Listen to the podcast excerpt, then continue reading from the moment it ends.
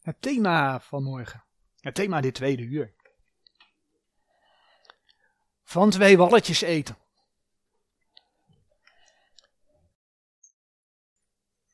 En we gaan dat doen door onder andere te kijken naar 1 Koningen 20.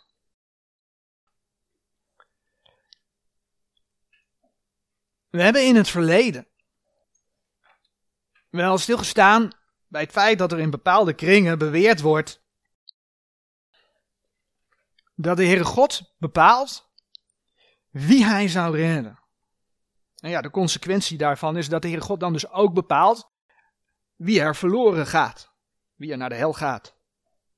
En logischerwijs zou dat dus inhouden dat de Heere God heel bewust mensen verloren laat gaan. Echter, we hebben gezien hoe de Heere God in zijn woord zegt dat het zijn verlangen is dat er niemand verloren gaat. Nou, als dat Gods verlangen is, dan stuurt Hij niemand zomaar naar de hel. We hebben ook gezien dat het zijn wil is dat allen tot bekering komen. Als je het nog een keer na wil lezen, 2 Petrus 3 vers 9.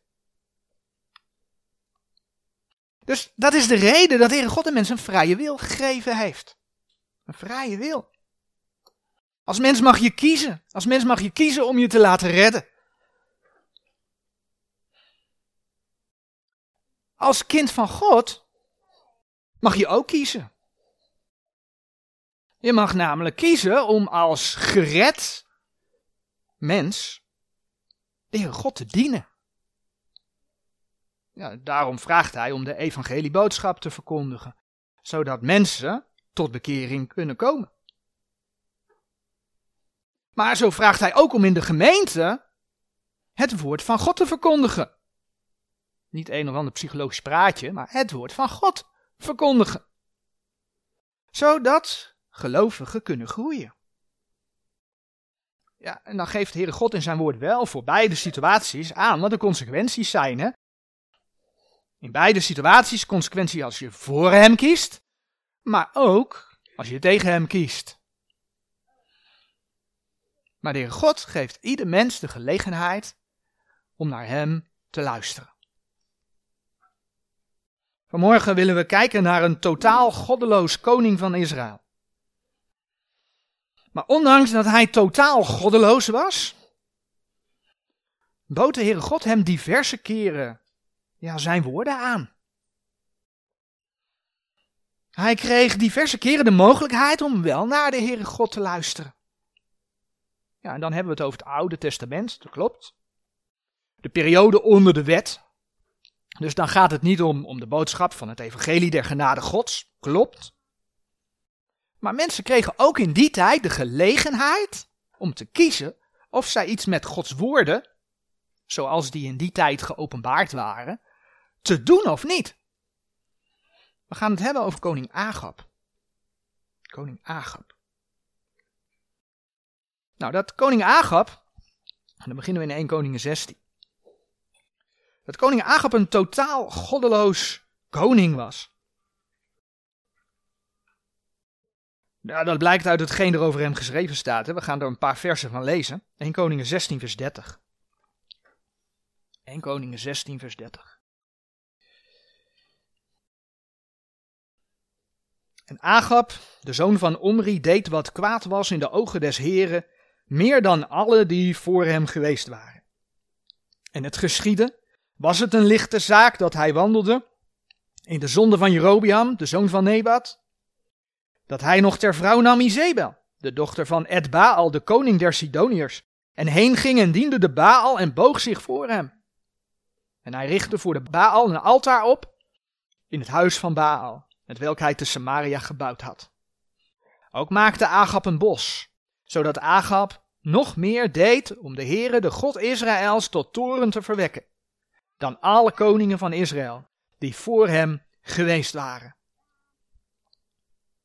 Ondanks wat we hier over die koning lezen, kreeg Agab diverse malen te zien dat hij de afgoden volgde. Terwijl de Heere God liet zien dat er maar één God is, ik zeg het bewust in tegenwoordige tijd, dat er maar één God is die leeft. We kennen denk ik de geschiedenis van Elia en de Baalpriesters op de Karmel. Elia die de profeten van Baal uitdaagde. Ja, zij konden niets, lees je in die geschiedenis. Maar het was de Heere God die door het offer te ontsteken liet zien dat hij God was. En toen Agab zowel Israël als de profeten van Baal op de Karmel verzameld had, lezen we dat Elia het volgende zei. Kijk maar in 1 Koningen 18 vers 21. Toen naderde Elia tot het ganse volk en zeide, hoe lang hinkt gij op twee gedachten? Zo de Heere God is, volg hem na. En zo het Baal is, volgt hem na. Maar het volk antwoordde hem niet één woord. Hoe lang hinkt gij op twee gedachten? Het volk pleegde geestelijk overspel. Ze hinkte op twee gedachten. Om het met een modern spreekwoord te zeggen, ze aten van twee walletjes. Ze wilden een beetje van de heren, maar ondertussen dienden ze ook de afgoden. En dan kun je dat vergelijken met, eh, met Aaron die het gouden kalf maakte, die een afgodsbeeld maakte. En de Heer laat ook zien dat hij dat als een afgodsbeeld zag. Maar ondertussen zei hij wel, we gaan de Heer een feest vieren. Ja, dus de boel vermengen. Je kunt dat lezen in Exodus 32, vers 4 en 5. Een beetje van de Heer en een beetje van al het andere. Nou, het resultaat in dit geval, die situatie op de karmel, was dat het volk zag wie God is. Je leest in 1 Koningen 18, vers 39. 1 Koningen 18, vers 39. Als nu het ganse volk dat zag, zo vielen zij op hun aangezichten en zeiden, de Heere is God. De Heere is God. Ja, en Agab was daarbij. Hij was daarbij. Hij had het zelf ook gezien wat daar gebeurde. Maar ja, Agab deed er niet zoveel mee.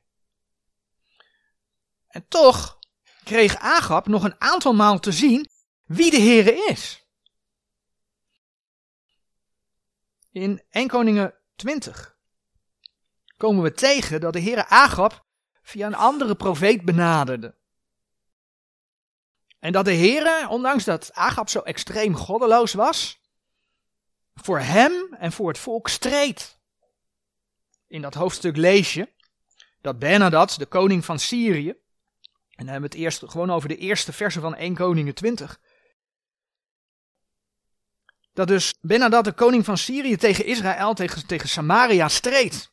En ik zeg Israël, Samaria.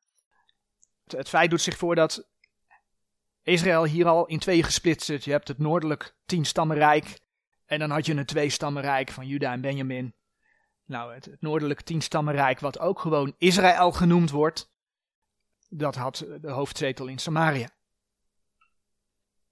Dus de koning Benadad van Syrië die streed tegen Israël. In eerste instantie lees je in die verse dat Bernadad om Agab zilver en goud vroeg om zijn vrouwen en kinderen. Ja, en dan lees je dat Agab daarin toestemde. Die vond het wel best. Maar op het moment dat Bernadad aangaf dat zijn knechten zouden komen en dat ze zijn huis en de huizen van zijn knechten ja, zouden gaan doorzoeken en alles wat begeerlijk was mee zouden nemen, ja, toen kwam Agab samen met de oudsten van het volk tot de conclusie dat ze daar toch niet aan mee gingen werken. En dan komt het moment dat de Heere Agab opnieuw wil laten zien wie hij is. En dat lees je in 1 Koningen 20 vers 13. 1 Koningen 20 vers 13. En zie een profeet trad tot Agab, de koning van Israël, en zeide, zo zegt de Heere, hebt gij gezien al deze grote menigte? Zie, ik zal haar heden in uw hand geven, opdat gij weet dat ik de Heere ben. Hier zie je het doel van de Heere. Hij wil de Agap laten weten dat hij God is. Ja, en zo is het vandaag de dag ook met het evangelie. Mensen zijn vijanden van de Heere God. Dat merk je wel als de Heere God of zijn woord ter sprake komt. Mensen hebben hem in deze westerse wereld veelal verworpen.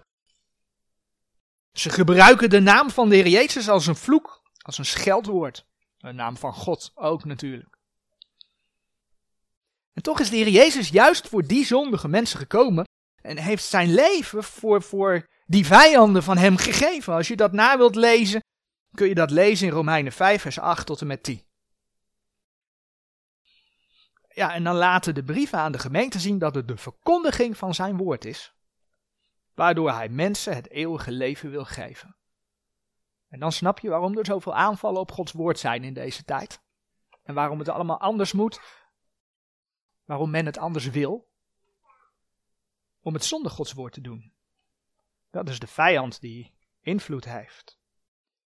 Maar God laat zien dat hij door zijn woord mensen wil bereiken. Als we Romeinen 10 opzoeken, Romeinen 10, vers 14 en 15.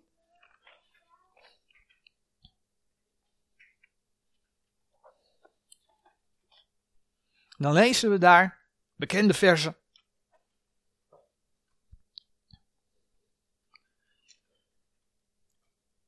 Hoe zullen zij dan hem aanroepen in welke zij niet geloofd hebben? En hoe zullen zij in hem geloven van welke zij niet gehoord hebben? En hoe zullen zij horen zonder die hun predikt? En hoe zullen zij prediken indien zij niet gezonden worden? Gelijk geschreven is, hoe liefelijk zijn de voeten dergenen die vrede verkondigen. Degene die het goede verkondigen. En juist door het getuigenis van zijn woord wil de Heere mensen overtuigen. Wil hij mensen laten weten dat je gered kunt worden. En als je dan gered bent, laten weten dat je dat ook nog eens een keer zeker kunt weten. Tekst wat ik ook wel vaker aanhaal is 1 Johannes 5 vers 13. Wat zo mooi laat zien waarom de woorden van God opgeschreven zijn. Deze dingen heb ik u geschreven, die gelooft in de naam van de Zoon Gods, opdat gij weet dat gij het eeuwige leven hebt. En opdat gij gelooft in de naam des Zoons van God. Nou, de Heer is nog steeds niet begonnen met ingrijpen in de geschiedenis. De gemeente is nog steeds niet opgenomen. De grote verdrukking is dus nog niet begonnen. Dat betekent dat hij die tekst in 2 Petrus 3 vers 9 nog steeds langmoedig is, nog steeds heel veel geduld heeft om mensen tot hem te laten komen. Zo kwam er dus een profeet bij Agab. Een profeet die aan Agab aangaf dat hij de overwinning zou behalen. Zodat hij zou weten wie de Heer God is. Ja, en op dat moment, als je die geschiedenis gaat lezen, zei Agab niet, ja, maar dat wil ik niet. Hij zei ook niet, zoals de farao van Egypte dat wel deed, wie is de Heere wiens stem ik gehoorzamen zou? Kun je vinden in Exodus 5 vers 2. Dat deed hij allemaal niet. Agab luisterde naar de Heere. En Agab die vroeg zelfs hoe de strijd zou gaan. En hij vroeg zelfs wat hij moest doen. Dus Agab ging, ja, door de boodschapper van de profeet ging hij te raden bij de Heere God. Kijk maar in, in 1 Koningen 20 vers 14. En dan lees je hoe de Heere Agab de opdracht gaf om, om de strijd te laten voeren door de onervaren jongens. Weliswaar onder Agabs leiding. Is ook vers 14 en vers 15. En daarbij waren er nog 7000 uit het volk die meevochten. Maar al met al waren ze in de minderheid tegen een grote overmacht van de Syriërs. Nou, en als je dan 1 Koningen 20 leest, vers 10, vers 11, vers 16, dan zie je hoe de Heere de hoogmoed de overmoed van de Syriërs gebruikte om Israël te laten winnen. En daarvan lees je in, in vers 21. Ja, dus al ben je heel klein, al ben je heel klein, gebruikt de Heere God de overmoed van de tegenpartij wel. Als jij afhankelijk blijft van hem. zo toonde de Heere Agab wie hij is. En laten we dan een stukje lezen uit 1 Koningen 20, vers 22 tot en met 25. Agab, Israël had dus net de strijd gewonnen. En dan lezen we in vers 22 van 1 Koningen 20. Toen trad die profeet tot de koning van Israël en zeide tot hem, ga heen, sterk u en bemerk en zie wat gij doen zult. Want met de wederkomst des jaars zal de koning van Syrië tegen u optrekken. Want de knechten van de koning van Syrië hadden tot hem gezegd: Hun goden zijn berggoden. Daarom zijn zij sterker geweest dan wij. Maar zeker, laat ons tegen hen op het effenveld strijden, zo wij niet sterker zijn dan zij. Daarom doe deze zaak. Doe de koningen weg, elkeen uit zijn plaats en stel landvoogden in hun plaats. En gij, tel u een heer als dat heer dat van de uwe gevallen is. En paarden als die paarden, en wagens als die wagens. En laat ons tegen hen op het effenveld strijden, zo wij niet sterker zijn dan zij. En hij hoorde naar hun stem en deed alzo. In deze versen lees je hoe men in die tijd tegen God en de goden aankeek. En men geloofde dat elk volk ja, zijn eigen God had, zijn eigen volksgod. Elk volkstam had zijn eigen God, zeg maar. En elke God die had zijn eigen eigenschappen. Dingen waar hij goed in was of waar hij voor stond. En zo zag men dus ook de God van Israël aan. Ja, als een berggod. Dus zo dacht Benadad dat Israël berggoden had. En dus dacht hij, dan moeten we maar in de vlakte vechten. Want ja, als die God goed is in de bergen, nou dan gaan wij strijden in de vlakte. Nou, we hebben net gelezen dat hij nog een enkele wijziging doorvoerde. Dat hij zorgde voor weer net zo'n grote overmacht. En dan zou het wel moeten lukken. Dat was Benadad's stellige overtuiging. Maar het feit dat Benadad de Heere God zo onderschatte. En eigenlijk op één lijn stelde met de afgoden. Want dat is wat daar gebeurde. Dat maakte dat de Heere God opnieuw voor Israël streed. Opnieuw kwam die profeet tot Agab. En kijk wat hij zei in 1 Koningen 20, vers 28. En de man Gods trad toe en sprak tot de koning van Israël en zeide, zo zegt de Heere, daarom dat de Syriërs gezegd hebben, de Heere is een God der bergen, en hij is niet een God der laagte, zo zal ik al deze grote menigte in uw hand geven, opdat gij lieden weet dat ik de Heere ben. Opnieuw zou de Heere God dus laten zien wie hij is. Want hij is niet alleen de God van de bergen. Nee, hij is de schepper van hemel en aarde. Alle dingen zijn in zijn handen. Ja, en zo kun je, daar kun je heel veel teksten bij opzoeken. Maar laten wij Jeremia 10, vers 10 tot en met 12 lezen. Jeremia 10, vers 10 tot en met 12.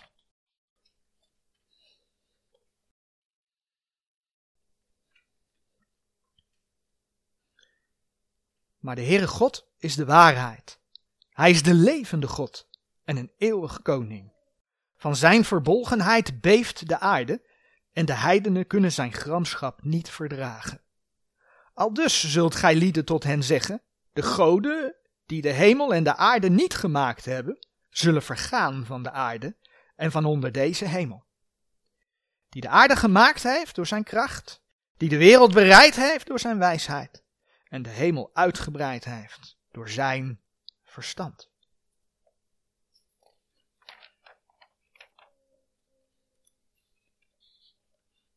Het is die God die alles gemaakt heeft, die zijn eer niet gaf en niet geeft aan de afgoden. Jezaja 42 vers 8, die tekst staat op de dia, zegt, ik ben de Heere, dat is mijn naam, en mijn eer zal ik aan geen ander geven. Punt. De Bijbeltekst staat een komma.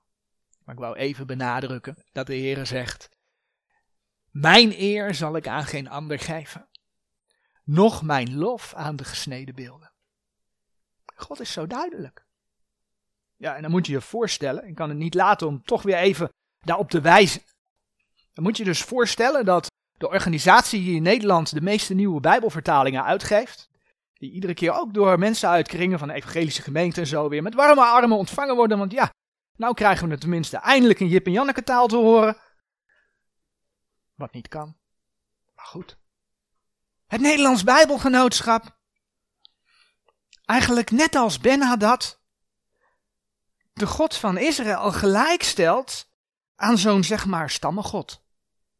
Want in deze MBV Studiebijbel, hè, dat is dus de MBV-bijbel met daarnaast in, in kaders en, en toelichtingen, commentaar van het Nederlands Bijbelgenootschap op de Bijbeltekst.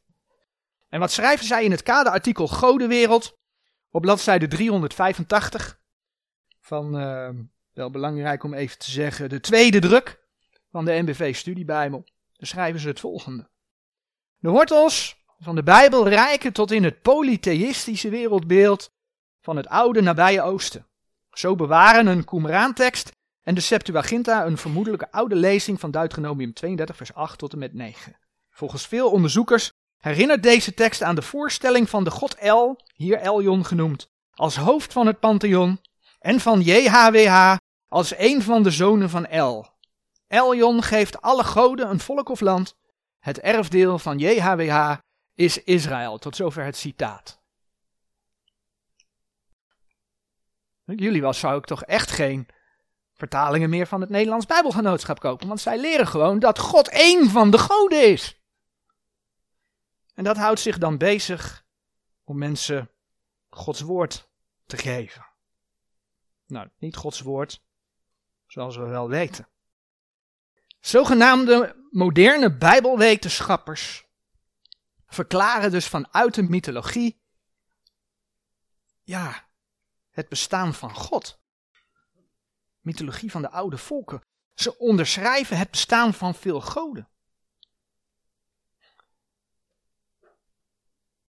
Als je ziet hoe de Heere God reageert op Benadad, die dat dus ook deed, hè, want die zei, oh, het zijn berggoden, dat, dat, die goden van Israël. Ja, dan zie je welk oordeel de medewerkers van het Nederlands Bijbelgenootschap dragen. Als zij niet alsnog tot werkelijke wedergeboorte komen. Nou ja, je kunt wel naar de kerk gaan en je kunt wel uh, met de, de, grondtalen bezig zijn en met die Bijbeltekst bezig zijn. Als jij het niet gelooft. En ook nog de verantwoording draagt dat je mensen dit soort onzin meegeeft. Dan heb je een grote verantwoording. Maar ook voor hun is de boodschap van het evangelie. Maar de Heere God laat zijn eer niet weggeven aan anderen. Dat is wat hij laat zien.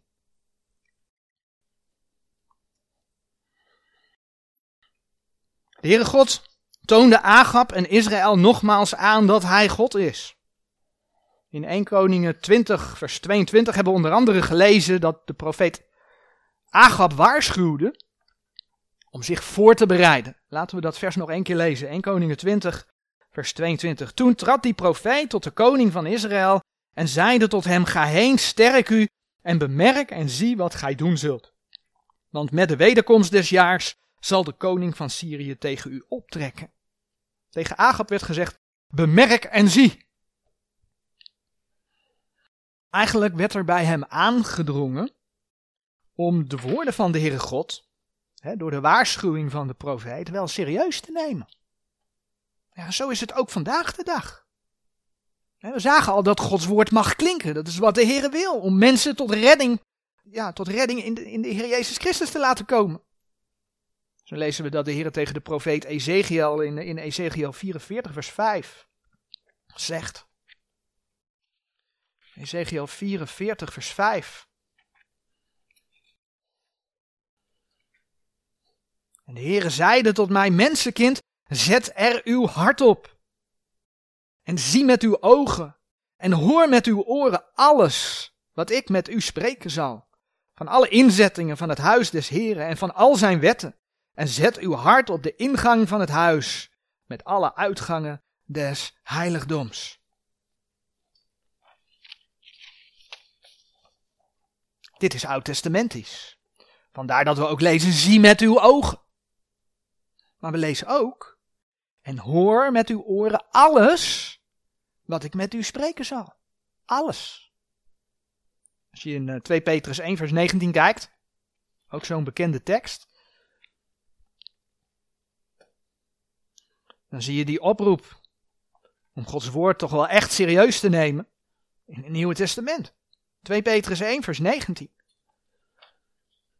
En wij hebben het profetische woord dat zeer vast is en gij doet wel dat gij daarop acht hebt. Als op een licht schijnende in een duistere plaats, totdat de dag aanlichte en de morgenster opga in uw harten. Heb acht op het woord van God, Ook als kind van God. Want hij leidt je, hij wil je leiden. Hij wil je leiden. Hij beschermt je. Hij wil je beschermen. Agap, Agap die luisterde in dit geval ook. En hij was voorbereid.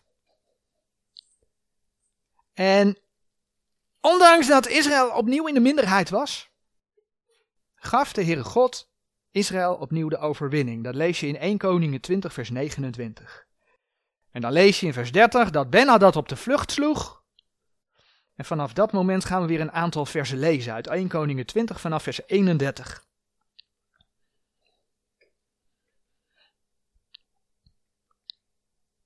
(1 Koningen 20 vanaf vers 31. Toen zeiden zijn knechten tot hem, tot Benadad, Zie toch, wij hebben gehoord dat de koningen van het huis van Israël goedertieren koningen zijn.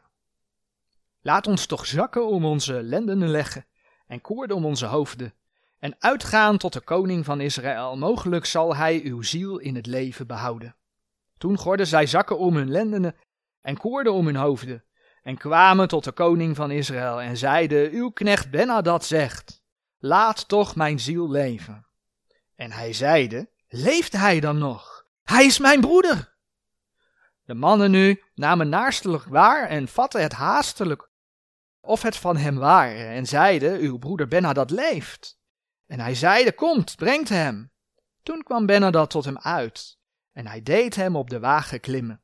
En hij zeide tot hem, de steden die mijn vader van uw vader genomen heeft, zal ik wedergeven. En maakt u straten in Damascus, gelijk mijn vader in Samaria gemaakt heeft. En ik antwoordde Agab, zal u met dit verbond dan laten gaan. Zo maakte hij een verbond met hem en liet hem gaan. Het is een twee keer strijd geweest. En dan lezen we hier, hè, en de Heer heeft Israël de overwinning gegeven. En dan lezen we hier hoe Agab een verbond maakte met Ben-Hadad en hem liet leven. Wat de gevolgen daarvan zijn, daar komen we straks nog op terug. Maar allereerst viel mij op in deze verse hoe de vijanden van Israël zich gedroegen. Zij speelden tactisch in op wie Israël was. Zij speelden tactisch in op ja, hoe Israël was. Want Israëls koningen stonden bekend als goede tieren als genadig. Hè? Dus ondanks alle afgoderij hadden de koningen ja, in de ogen van de, de, de, de, de heidense vorsten blijkbaar dat beeld, die eigenschappen. En dan zie je dus dat van het een op het andere moment dat de vijanden veranderen in een stel naar de mond pratende, onderkruiperige mensen. Om zichzelf toch nog in het leven te houden. En dat werkte. Het werkte. Agab noemde dat hebben we net gelezen in vers 32, mijn broeder. Hij liet hem op zijn wagen klimmen en, en wat gebeurt er? Ze sluiten een verbond, ze sluiten vrede. Weet je waar mij dat aan deed denken? Het deed mij denken aan de huidige situatie in Israël. De Palestijnen zijn met een golf van terreur opnieuw een oorlog begonnen. Maar hoe vechten ze? Hoe vechten ze? Ik noem een aantal dingen. Hè. Ze houden rekening met het wereldbeeld. Ze houden rekening met het feit dat Israël in principe geen onschuldige burgers wil raken. En dus maken ze een commandocentrum onder een ziekenhuis. Schieten ze raketten af van plaatsen die precies liggen tussen, nou noem maar wat, een speeltuin en een school. Graven ze tunnels onder Gaza en laten die vooral ook onder de bedjes van hun kinderen beginnen. Ze gebruiken notabene hun eigen vrouwen en kinderen als menselijk schild. En dat zijn de vijanden van Israël. Alles om hun eigen doel te bereiken, alles om te zorgen dat hun prooi Israël een slecht beeld in de wereld krijgt en dat antisemitisme in de wereld te voeden. En wat zie je? Dat werkt. Je ziet de druk in de wereld hè, die op Israël uitgevoerd wordt om een wapenstilstand te sluiten. Om toch de Palestijnse autoriteit maar weer in de Palestijnse gebieden te laten regeren. Want ja, dat is dan niet Hamas zogenaamd. En ja, we weten dat deze dingen moeten gebeuren. Zo is het gewoon. Het moet gebeuren. Jeruzalem zal vertreden worden, Lucas 21, vers 24, totdat de tijden der heidenen vervuld zijn. Dus het moet gebeuren. Gaat door tot aan het einde van de grote verdrukking. Maar je ziet de grote ongerechtigheid in deze wereld. Want ik noemde net de zogenaamd onschuldige burgers van de Palestijnen. Maar er is notabene een Arabisch onderzoek geweest onder Palestijnen, die aantoont dat 75% van de bevolking achter de gruweldaden van 7 oktober staat. 98% van de Palestijnen voelt zich onder de gebeurde omstandigheden zelfs trots om Palestijn te zijn. En nogmaals, een 75% wil een Palestijnse staat, een moderne uitroep, from the river to the sea, oftewel Israël moet uitgeschakeld worden. En ja, er zullen er zijn die helemaal niet willen dat die slachtpartijen plaatsvinden. Die zullen er zeker zijn. Maar het overgrote deel van de Palestijnen staat achter alles wat er gebeurd is. En wat is Israëls grootste fout die ze nu kunnen maken? je hoort overal dat je geen uitspraken mag doen. Hè? Je moet voorzichtig zijn in deze situatie, maar we kennen Gods woord. We hebben net de geschiedenis van Agab gelezen en we weten wat er in de toekomst gaat gebeuren. Wat is de grootste fout die Israël nu kan maken? Gaan ze waarschijnlijk doen. Dat is dat ze, net als Agab en Benadad, vrede sluiten. Dat ze elkaar de hand geven en zeggen: Je bent mijn broeder. Want de haat onder de Palestijnen is zo groot gekweekt. door het kinderen met de paplepel in te gieten. dat zo'n handdruk garantie is voor nieuwe ellende. Misschien is in het kader hiervan een aanrader om de volgende video op YouTube te bekijken.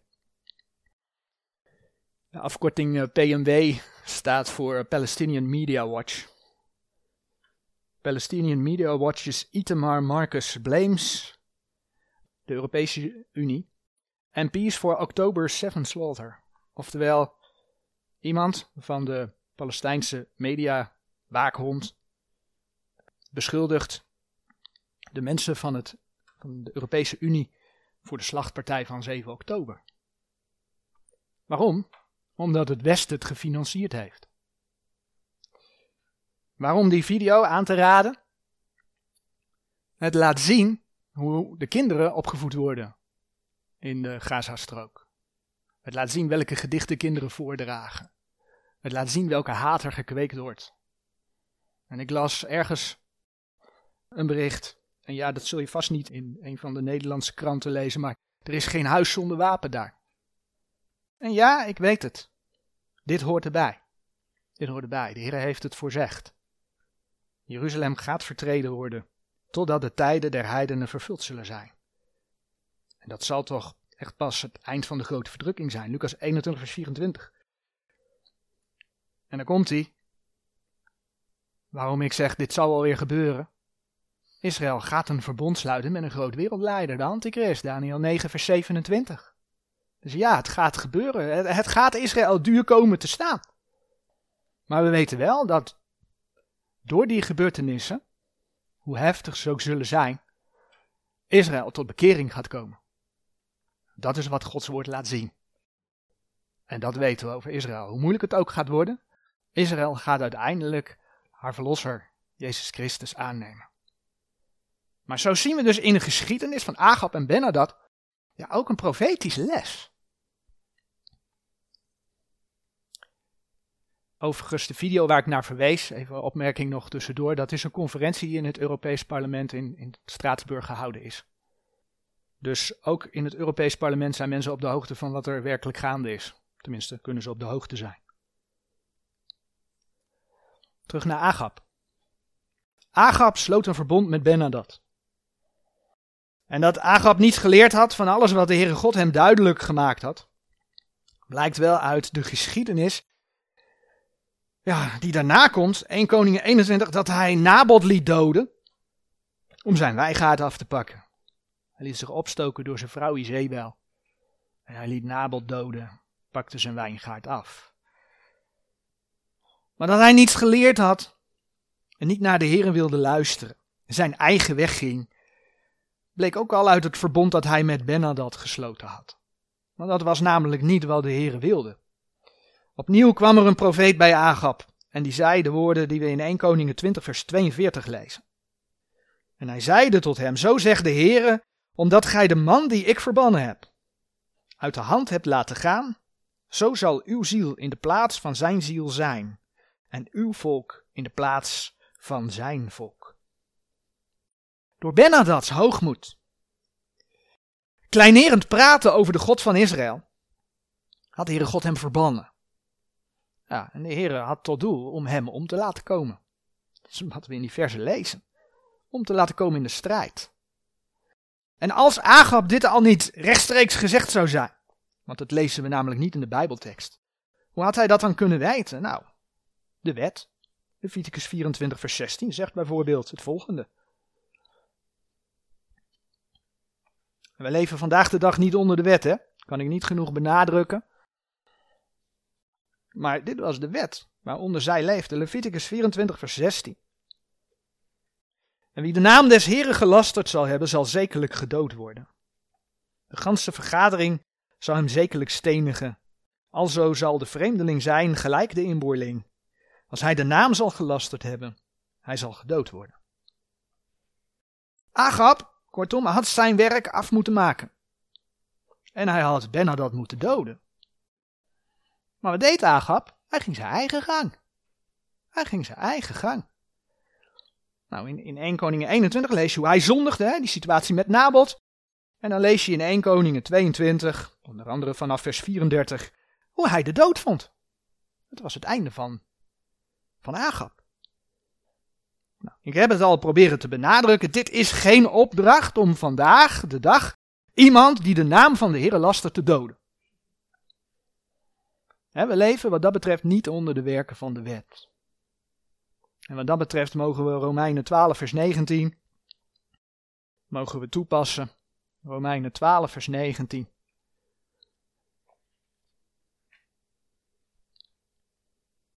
Wreekt u zelf niet, beminde, maar geef de toren plaats, want er is geschreven, mij komt de raken toe.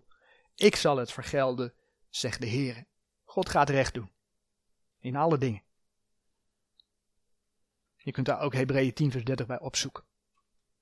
Maar we zien wel, en, en dat is een belangrijke les, dat Agab zijn eigen gang ging.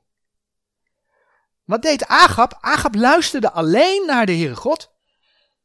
Ja, als het hem zelf uitkwam. Als het hem zelf uitkwam. Want hij zat in de penarie. En het was wel handig dat God hem een handje hielp, toch? Maar bekeerde hij zich? Nee, hij ging gewoon zijn eigen gang. Ja, en dat werd zijn ondergang. Mocht je naar deze boodschap luisteren en, en de Heer nog niet persoonlijk aangenomen hebben, hem nog niet kennen als je persoonlijke verlosser, dan is de vraag: hoe zit het met jou? Als je die woorden hoort, luister je ernaar? En ja, ach, leuke woorden voor even, maar voor de rest ga je gewoon je eigen gang. Misschien word je er wel boos van. Nou, dan wordt het wel je ondergang. De, de Heer zegt in Johannes 3, vers 36, zijn duidelijke woorden. Johannes 3, vers 36. Die in de zoon gelooft, die heeft het eeuwige leven. Maar die de zoon ongehoorzaam is, als je dat in de context leest, wat ik, met, wat ik net heb voorgelezen, hè, die, die de zoon niet gelooft, die zal het leven niet zien, maar de toren Gods blijft op hem. Dat is de schrift. Dat is de reden dat de brede weg van deze wereld eindigt in het eeuwig verderf van de poel des vuurs. En ja, de Heer openbaart zich ook vandaag de dag. Hij heeft zijn woorden gegeven. Hij heeft zijn woorden gegeven. Geef daar gehoor aan. Accepteer de Heer Jezus Christus als je persoonlijke verlosser, want dan geeft Hij je het eeuwige leven. Dat mag je zeker weten. Maar hoe zit het met jou als kind van God? Als de Heer Jezus Christus al je persoonlijke verlosser is, als je Hem al hebt aangenomen, hink jij nog steeds op twee gedachten. Een beetje van de Heere God, een beetje van de Heer Jezus Christus en een beetje, nou, van andere dingen. Een beetje van de wereld. Ach, dat moet toch kunnen? Denk velen. Maar de Heere vraagt je te vullen met zijn woord. We zagen net dat Agab de opdracht kreeg om op Gods woorden te letten. Als je erop moet letten, dan moet je er dus mee bezig zijn. Anders kun je er niet op letten. Maar Agab deed dat alleen als het hem uitkwam. En we zagen waar dat eindigde voor Agab. Nou, als kind van God weet je, je gaat niet verloren. Maar je komt wel voor de rechterstoel van Christus. En eigenlijk is de preek van vandaag, wat dat betreft, dus eigenlijk een soort illustratie van de preek van vorige week. Want als je het negatief bekijkt, dan kun je als gelovige zeggen: er is voor mij heel veel te verliezen.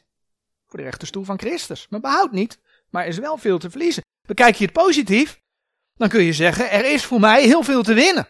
Zelfs als ik behouden ben, is er nog steeds heel veel te winnen. In de eeuwigheid. En beide zijn waar. Beide zijn waar. Jezus die sprak toen hij op aarde was in Matthäus 6, vers 24. De volgende woorden.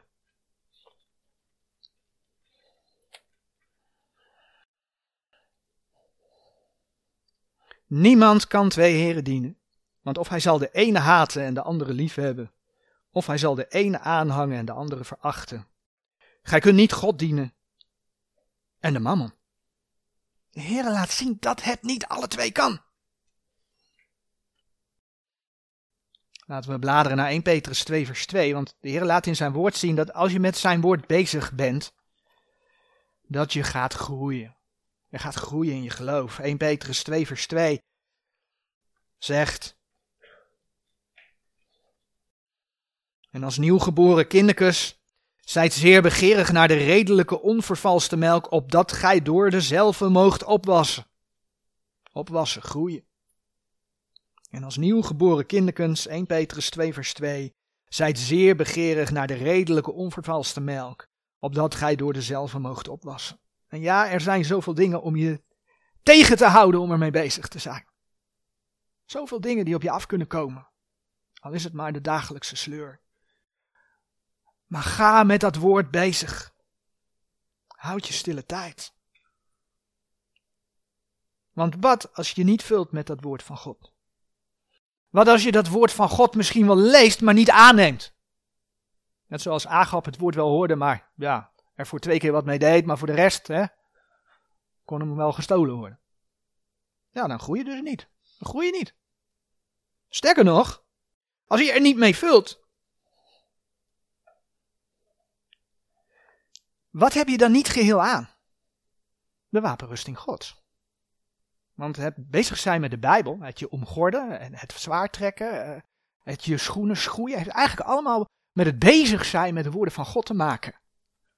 Dus als je hier niet mee vult, dan heb je wapenrusting niet geheel aan. En kijk dan wat Efeze 6 vers 11 zegt. Geen onbekende tekst, maar we lezen hem toch. Als jij het niet doet, als je dat niet geheel aan hebt, die wapenrust, dan ben je een prooi voor de vijand. Ben je een prooi voor de vijand. Efeze 6 vers 11 zegt, doet aan de gehele wapenrusting gods, opdat gij kunt staan tegen de listige omleidingen des duivels. Conclusie, als je dat niet doet, kun je dus niet staan tegen de listige omleidingen des duivels. Denk aan Benadad. Hoe hij inspeelde op de zwakte van Agab en hem zo verleiden tot er een verbond kwam, ja, dat er niet mocht zijn. Ja, Agap luisterde alleen naar de Heer als het hem uitkwam. Hij had misschien een fysieke wapenrusting aan. Nou, toen hij de Heer definitief opnieuw verworpen had, zie je dat dat ook niks meer hielp. Want in 1 Koningen 22, vers 34, lees je dat, dat er een man was die zomaar een pijl schoot. Die kwam tussen zijn harnas. Laat ik het even lezen. 1 Koningen 22. Vers 34. Toen spande een man de boog in zijn eenvoudigheid en schoot de koning van Israël tussen de gespen en tussen het pansier. Toen zeide hij tot zijn voerman, keer uw hand en voer mij uit het leger, want ik ben zeer verwond. Agap had er alles aan gedaan om zich te vermommen. Hij had een gewoon soldatenpak aangetrokken, hij liet Jozefat, liet hij, want hij ging met, met koning van Juda samen. Mooi dacht hij bij zichzelf, laat ik hem in koninklijk ornaat gaan, schieten ze hem, hè, zo. Maar nee, God zorgde ervoor dat Jozefat vrij uitging. En bij Agab was het een man die in zijn eenvoudigheid een pijl schoot en die trof hem. En dat was het einde van Agab. Dus Agab had weliswaar een fysieke wapenrusting aan, wat hem niet hielp, maar hij had geen geestelijke wapenrusting. En hij viel voor de verleiding. Hij viel voor de verleiding. Hij ging dat verbond met de vijand aan. Ja, en zo speelt de vijand ook in op jouw gedachten. En dat gaat aan je vlees trekken. En ik heb het plaatje van, van ziel, geest en lichaam heb ik er weer bijgepakt. Waarin je mag weten als kind van God. Dat je in principe de Heilige Geest draagt. Als jij de Heilige Geest uitdooft, komt er ruimte voor wat anders en dan maakt de onreine geest gebruik van.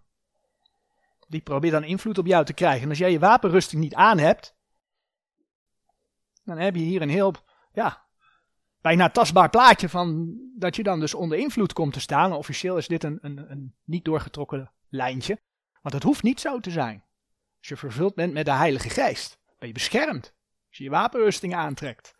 Maar als je dat niet doet, ja, dan, dan, dan zijn er openingen in je wapenrusting. En dan maakt die, die onreine geest maakt daar, maakt daar gebruik van. Die gaat met je gedachten aan de haal. Weet je? Ik voel me vandaag niet zo lekker. Laat ik maar niet bidden. Vandaag ga ik maar eens een keer met mijn vrienden uit. Bijbel lezen komt later wel. Ach, mijn vrienden gaan de kroeg in. Dan kan ik toch wel een keer met ze meegaan. En na die ene keer komt een tweede keer. Gaat steeds gewoner worden. Mijn vrienden kijken die film ook en ja, het is waar, er wordt in gevloekt. Maar weet je, verder zit er niet zoveel geks in. Dan kan ik er toch wel naar kijken. En zo kom je van de ene keus tot de andere keus. En stel je, zoals hier, hè, in de meeste voorbeelden, niet allemaal, maar stel je eigenlijk, eigenlijk je vermaak boven de Heer. Je stelt je vermaak boven de Heer. Ja, en de Heer Jezus zei, je kunt niet twee heren dienen. En wat je dan ook vaak ziet, als je daar eenmaal mee begint, dan is dat een beetje een spiraal naar beneden. Als je niet oppast. Je kunt niet twee heren dienen. Met een hedendaagse gezegde, van twee walletjes eten gaat niet. Gaat niet. In uh, Jacobus 4 vers 4.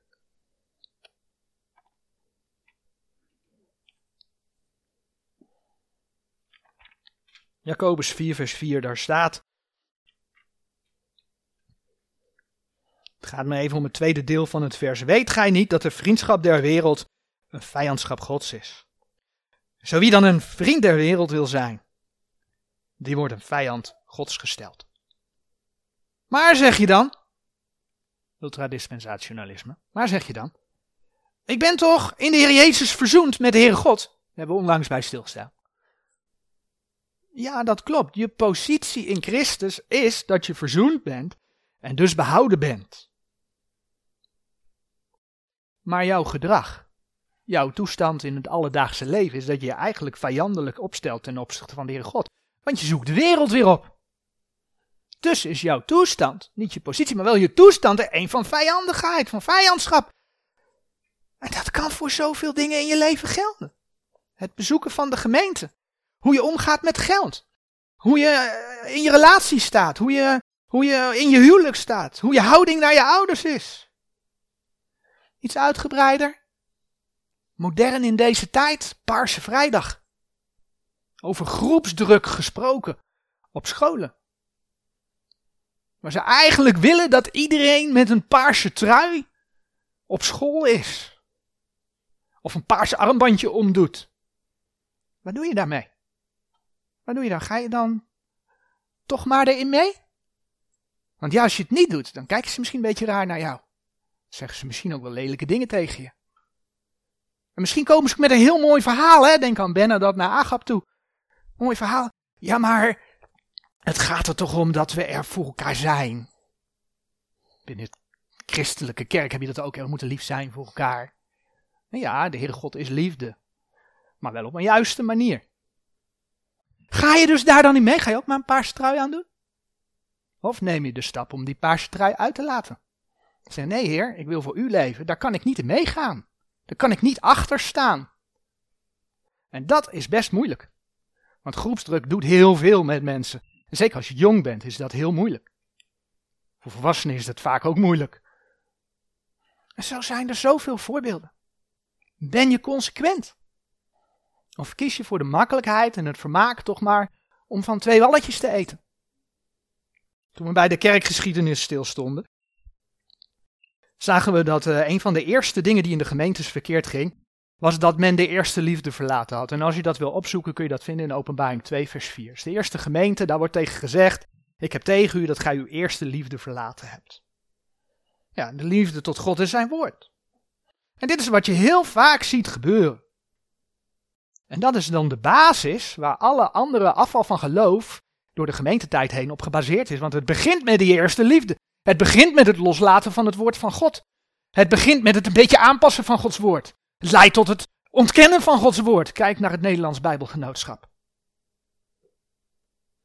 In het begin is men enthousiast. Men wil allerlei dingen voor de Heer doen en laten. Bijbel lezen, bidden, slechte gewoontes nalaten. Maar ja, op een gegeven moment wordt het gewoon. Gaan de dagelijkse dingen trekken. En ja, je wil ook toch wel een beetje vermaak hebben, hè, zo in het dagelijks leven. En het mag hoor, je mag best genieten van mooie dingen. Blijkt ook wel uit, uit, uit een vers wat ik zo nog ga noemen. Maar, wat zijn die mooie dingen in jouw leven? Waar geniet je van? Dus in het begin wil je dat, maar dan, dan komt die sleur erin. En dan gaan die dingen trekken. En ja, dan schiet Bijbellezen erbij in. Gaat toch maar voor die ene keer met wereldse vrienden uit. En zo kom je van het een in het ander. Agap moest dat doden. Hij moest zijn werk afmaken. Dat deed hij niet. Als christen, ik zeg het nog maar voor de zekerheid, moet je geen andere mens doden, maar wel je eigen vlees voor dood houden. Vul je met Gods woorden. Vul je met liederen van de Heer. Vul je met Filippenzen 4 vers 8, gaan we nu niet opzoeken, maar vul je met alle dingen die goed zijn, alle dingen die rein zijn. Dus zoek hetgeen wat van de Heer is en vul je daarmee. Zodat je vervuld bent met Gods geest. Zodat je geestelijk groeit. Zodat je de eerste liefde tot de Heer en zijn woord vasthoudt. Zodat de Heer je kan belonen als je voor hem komt te staan. Hoe mooi is het als je met Paulus, en daar sluiten we mee af, 2 Timotheus 4 vers 7, als je dat met Paulus kunt zeggen. 2 Timotheus 4 vers 7. Hoe mooi is het als je dat kunt zeggen. Ik heb de goede strijd gestreden. Ik heb de loop geëindigd. Ik heb het geloof behouden. Amen.